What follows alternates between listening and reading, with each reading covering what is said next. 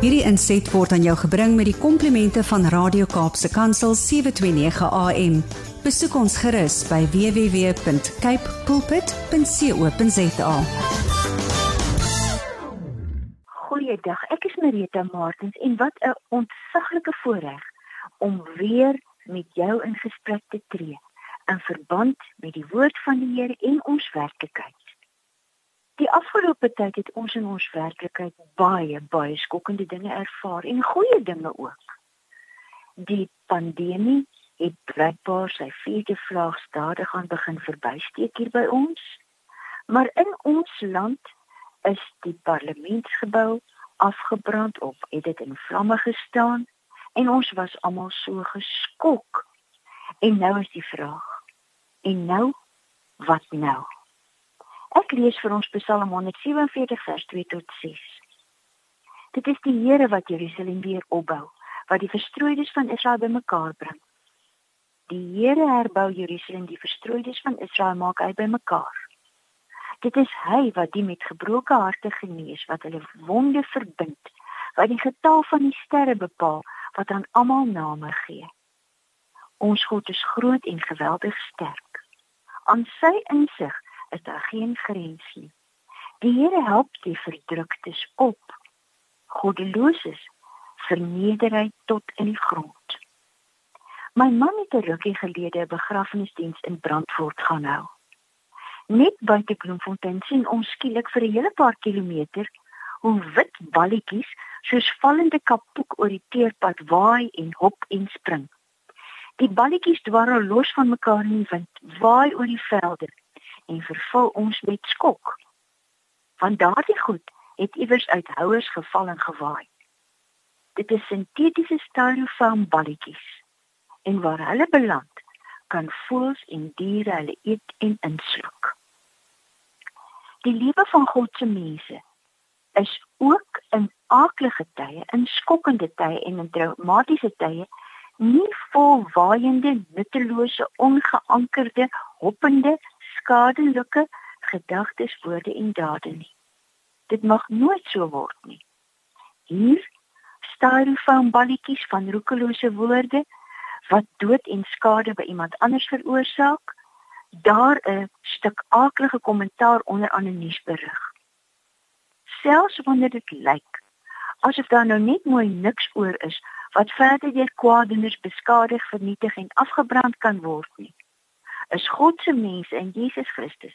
Sy mense wat deur die Gees gelei word, se lewe nie 'n lewe van impulsiewe, verwoestende, vernietigende, ongeankerde en skadelike gedagtes, woorde en dade nie. Ons is die mense van die wingerdstok. Christus die wingerdstok, ons Vader die landbouer. Ons is die lote.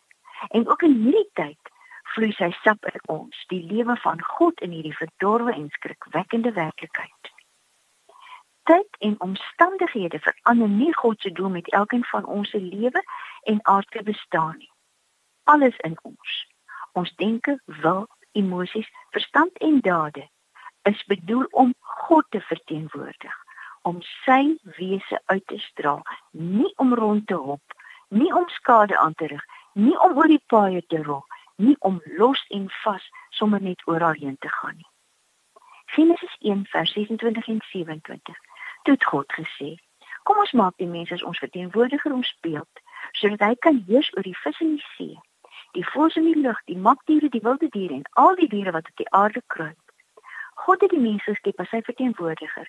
As beeld van God het hy die mens geskep, man en vrou het hy hulle geskep. In die Nuwe Testament, in Christus, ontvang ons die boodskap dat ons, die kinders van God, die sout van die aarde is die lig vir die wêreld en dit bly altyd so. Dat ons die barmhartige Samaritane moet wees, die wat honger, dors, verlatenheid en pyn raak sien en nooit ophou dien nie. Die wese van ons God, wie se beelddraers en verteenwoordigers ons is, is die van die ware Skepper en Herskepper. Dit sien ons in Genesis 1 en ook in Johannes 1. Die wese van ons God is die van opbou en heropbou soos ons nou in Psalm 147 gelees het. Nie net van stede nie, maar van gemeentes, van gesinne, van lewens, van gebrokenis. Die wese van ons God is genade aan verdruktes. Sy wese is 'n wese van heilige, onvoorwaardelike ontferming aan verdruktes wat na hom roep. Hoe ontferm hy hom nie dag na dag oor ons nie. Ek lees vir ons weer. Die Here herbou Jerusalem, die verstrooides van Israel maak hy bymekaar. Dit is hy wat die met gebroke harte genees, wat hulle wonde verbind, wat die getal van die sterre bepaal, wat aan almal name gee. Ons God is groot en geweldig sterk aan sy insig geen grens nie. Die Here help die verdruktes op. Goddeloses verneder hy tot die grond. Geen Suid-Afrikaner kan in hierdie tyd onbetrokke en ongeëg in 'n eie selfgenoegsame kokon na die lewe en die aftakeling, die verwoesting en vernietiging in ons land kyk nie. Veral God se mense kan nooit in hulle eie grotte of kokonne terugtrek nie storms, brande, beplande en bose verwoesting van skole, vergaderplekke, vervoerstelsels, dienslewering, die openbare orde, die landskap, veiligheid van mense, hospitale en honderde ander dinge raak ons medemens. Indien ons dan so superwelvarend sou wees dat dit ons persoonlik nie raak nie. En wie van ons is so? En die identiteit van ons medemens word deur Jesus Christus vir ons in die gelykenis van die barmhartige Samaritaan uitgewys. Die inhoud van ons ontferming word deur homself gedemonstreer. Ons moet voortgaan om sout lig en barmhartige Samaritane te wees, nie om ons saligheid daarmee te verdien nie, maar omdat ons in Christus is en sy werke doen, sy gees en gesindheid ontvang het. Ons verlossing is in Christus alleen. Ons lewe van toewyding aan God en gehoorsame opbou en heropbou is omdat Jesus ons sy verteenwoordigers op aarde gemaak het totdat hy kom Wat in Job 35 vers 8 tot 11 staan, is nog absoluut waar en ek lees dit vir ons in die 2020 vertaling. As jy sondig, wat doen dit aan hom? Wat doen dit aan die Here as jy sondig? As jou oortredinge baie is, wat veroorsaak jy vir hom? Met ander woorde, kan jy God skade aandoen? As jy regverdig is, wat gee jy vir hom of wat ontvang hy uit jou hand? Jou oortreding raak net 'n mens soos jy jou regverdigheid net 'n mensekind. Omdat daar soveel verdrukking is, het mense om hulp. Aanhoudend roep hulle oor die krag van die magteloos, mag magtiges. Maar wat hulle nie sien nie is, waar is God my maker?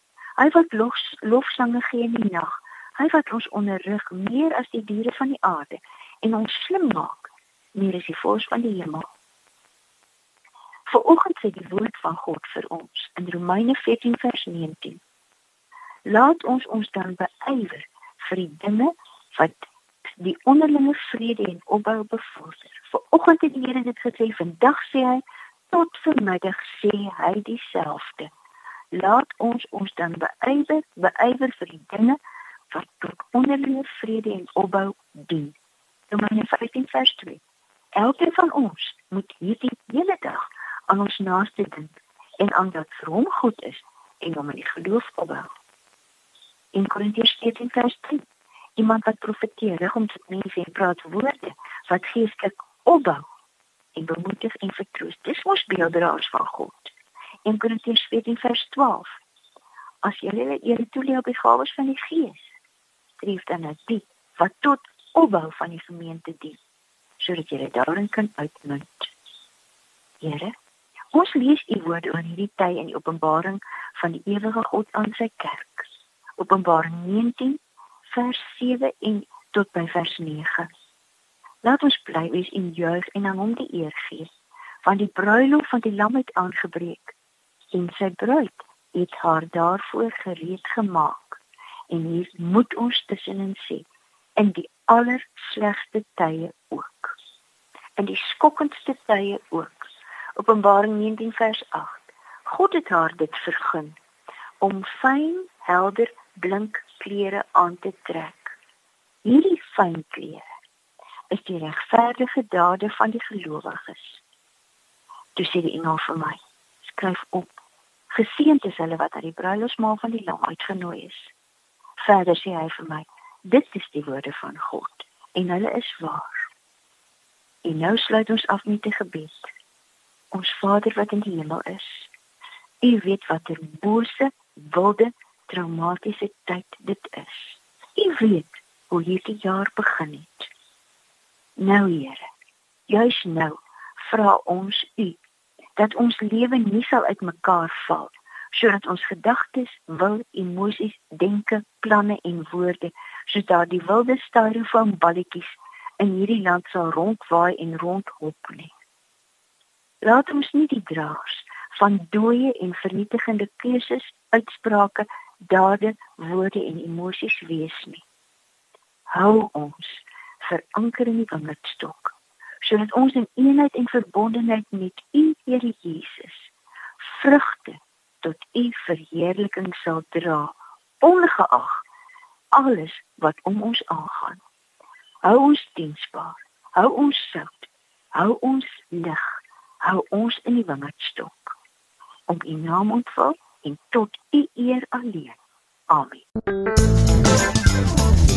Hierdie inset was aan jou gebring met die komplimente van Radio Kaapse Kansel 729 AM. Besoek ons gerus by www.cape pulpit.co.za.